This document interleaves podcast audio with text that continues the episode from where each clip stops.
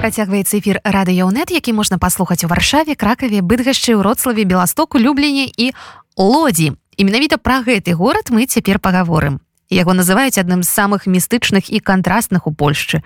Напаўразборныя камяніцы суседнічаюць з крамамі дызайнерскага адзення лодзь колішняя сталіца тэкстыльнай прамысловасці Вялікія пустыры чаргуюцца з суперсучаснымі лакацыямі. Ладзяне выязджаюць са свайго горада ў пошуках лепшага жыцця, а бізнесоўцы і маладыя навукоўцы наадварот прыязджаюць у лодзь за новымі магчымасцямі.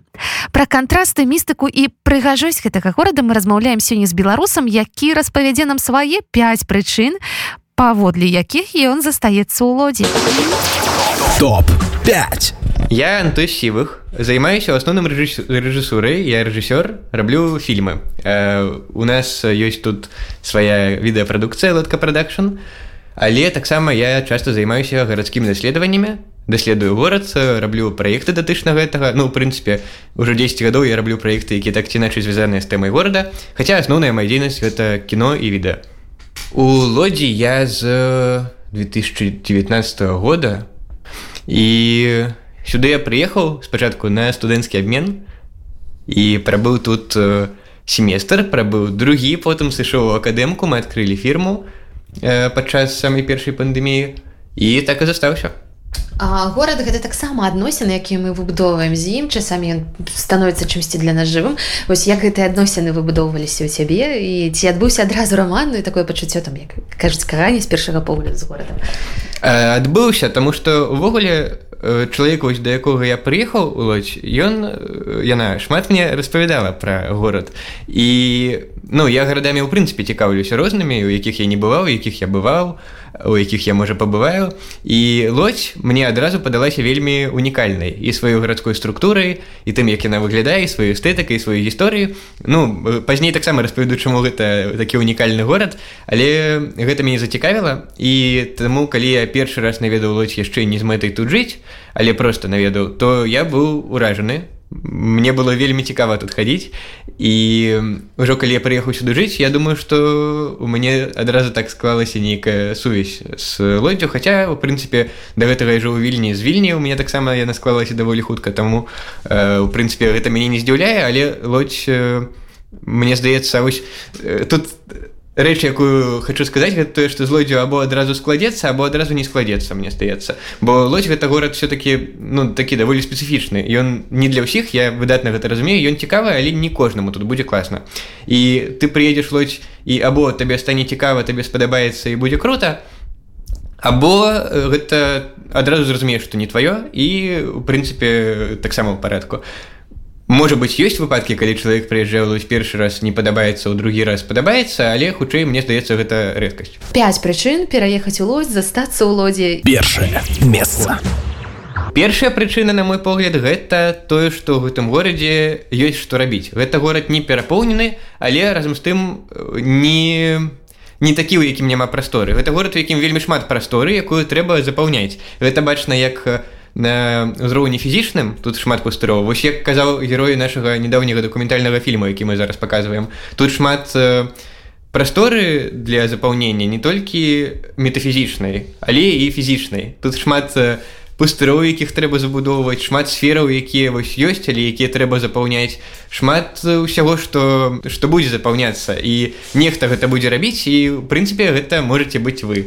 І вельмі проста убудавацца у гэтую вось, гэта вось працэс аднаўлення пабудовы горада і раблення нейкай новай лодзе Ну вось мы напрыклад адкрылі тут студыю якая робіць відэа з аднаго боку фільмы з іншага боку мы зараз можемм рабіць таксама і 3d праекты з іншага боку мы зараз можемм таксама з дапамогай наших калегаў рабіць стрымінг жывы эфір карацей і мы усімі нашымі праектамі спрабуем вельмі убудавацца ў гарадскую супольнасць гэта вось і наши камерцыйныя нашы эксперыментальныя дакументальныя любыя іншыя працы яны шмат у чым пра месца пра тое дзе мы знаходзімся пра лакальную супольнасць. Калі мы открывалі фірму то мы у цэлым і накіроўваліся менавіта на лакальную супольнасці так у цэлым і здарылася што вось за два гады мы вельмі убудаваліся ў лакальную супольнасць лодскага бізнесу. і беларусаў лодзе таксама ну і в прынцыпе розныя супольнасці якія тут існуюць. І э, дапамагаем і ў дакументаванні падзеі на відэа і ў стварэнні брендаў і ў раскрыцці асабістых гісторый і проста ў паказванні лодзі ў вельмі розным кантэксце ў розных ключах. Другое месца прычына нумар два якраз такі незвыклы гарадскі вопыт вельмі цікавая гарадская структура. Тут лось гэта горад прамых вуліц прамых вуглоў. Таких гарадоў вельмі мала у Еўропе. Звычайна такія гарады ёсць вось у Амерыцы напрыклад. Той жа нью-йорк там філадельфія у або амаль кожны другі Амер... не кожны амерыканскі горад за некаторымі выключэннямі гэта горад прамых вуліц. У Еўропе такіх гарадоў ну пара. Звычайна гэта там які-небудзь адзін раён у горадзе як у той жа варшаве напрыклад або ў вільні. А тут цэлы горад ён выбудаваны па адной такой структуры па адным генеральным плане які аднак не як у мінску прадугледжвае нейкія архітэктурныя ансамблі але даволі разнастайны. І ёсць канкрэтная структура то у якой ужо ўбудоўваецца вельмі шмат усяго рознага. І гэта не нейкае выпадковае награмаджэнне ну вось як у берерліне можа часам адчувацца а нешта зусім іншае. І калі паходзіце па лодзе гадзінку хаця бы то можа быць зразумееце в прынцыпе пра пра што тут ідзе размова. Хаця просто хопіць паглядзець на мапу лодзе каб просто зразумець што гэта крышачку горад з іншай структурай і гэта структура яна непасрэдна ўплывае на то як увогуле думаеш на то як працуе мозг у гэтым горадзе. Я разумею што да гэтага я жыў у вільні якая была вельмі заблытанай такой да гэтага жыў у мінску які часам даволі хаатычны і такі ўвесь з аднаго боку квартальны з іншага боку мікрараённы не ведаю можа складана кажу. Карацей просто структура гораду вось лодзе такая прамавугольная вельмі ўплывае на спосаб э, мыслення. І просто пабачыць гэта і паглядзець на гэта і пажыць у гэтым таксама цікава. Трэцяе месца. З-за гэтай вось структуры лось э, складае сабе нейкае такое адчуванне існавання таемнай супольнасці. Лось гэта крыху пра таемную супольнасць Таму что на гэтых вось прымых вуліцах дзе людзі рухаюцца нейкім канкрэтным чынам вельмі просто сустракаць людзей якія спачатку можа быть былі выпадковымі людзьмі але вельмі часта робяцца ўжо пастаяннымі паўтараючымися персонажамі і і мне абавязкова быць нейкімі выбітнымі выбівацца просто сярод натоўпу. Але там можна пабачыць бібліятэкара аднойчы а потым сустракаць яго на вуліцы. Раз два три четыре і не таму што горад маленькі. Гэта ну вось ніяк у зусім маленькім горадзе а таму што горад просто пабудаваны такім чынам што перасячэшся сустрэнешся у мяне шмат знаёмых з якімі э, я так сустракаюся просто выпадкова не не планаваўшы нічога. І з-за гэтага просто так пажыўшы тут складаецца нейкае ўражанне крыху таемнай супольнасці якая хапляе гэты горад і людзей якія так загадкава сустракаюцца. Э, ну у вільні або ў мінску мне такое было значна радзей хаця таксама было. Чавёртае месца Чацвёртая прычына гэта супольнасць. Ось дарэчы я зараз скажу на беларускую аўдыторыю наколькі разумею. У нас ёсць класная супольнасць беларусаў у лодзе. Яна развіваецца ось яна пачала развівацца вельмі імкліва у двадцатым годзе. Да гэтага тут былі беларусы але яны былі раз'яднаныя даволі. А у двадцатым пайшло і паехала.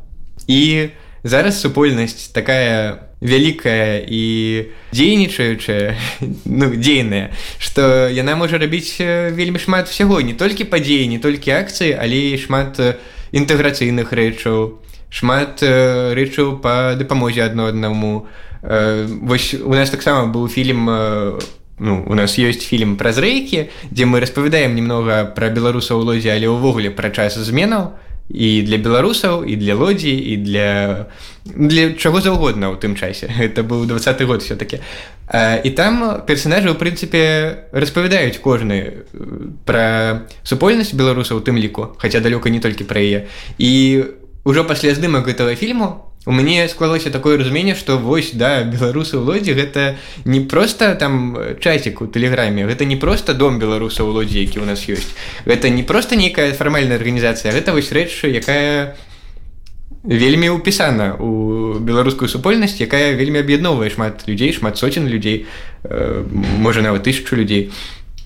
І гэта значыць што калі вы прыедзеце ў лось то хутчэй за ўсё вы будете тут не адні. Вам будзе магчыма знайсці і дапамогу і знаёмых і супольнасць. І заўсёды добра калі можна прыехаць вось у горад і упісацца ў нейкую супольнасць. Такія супольнасці канешне ёсць у вельмі розных гарадах але э, варта варта ведаць што лодзе таксама ёсць вельмі класная і вельмі незвычайная супольнасць якой шмат крутых людзей просто якімі я захапляюся.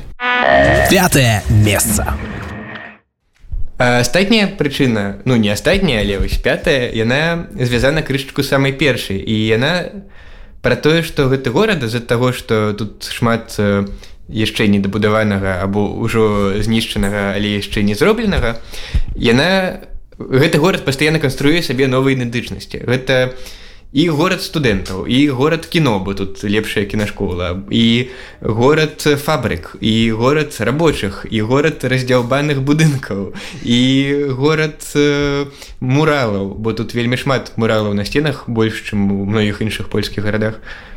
І гэты горад сабе штомесяц просто літаральна выдумвае новыя новыя ідэнтычнасці. Ён э, увесь час э, не той каб ён увесь час новы але просто калі глядзіш на гэты горад то ім столькі шмат твараў і гэтыя твары пастаянна з'яўляюцца і з'яўляюцца якраз такі з-за таго што гэты горад трэба запаўняць.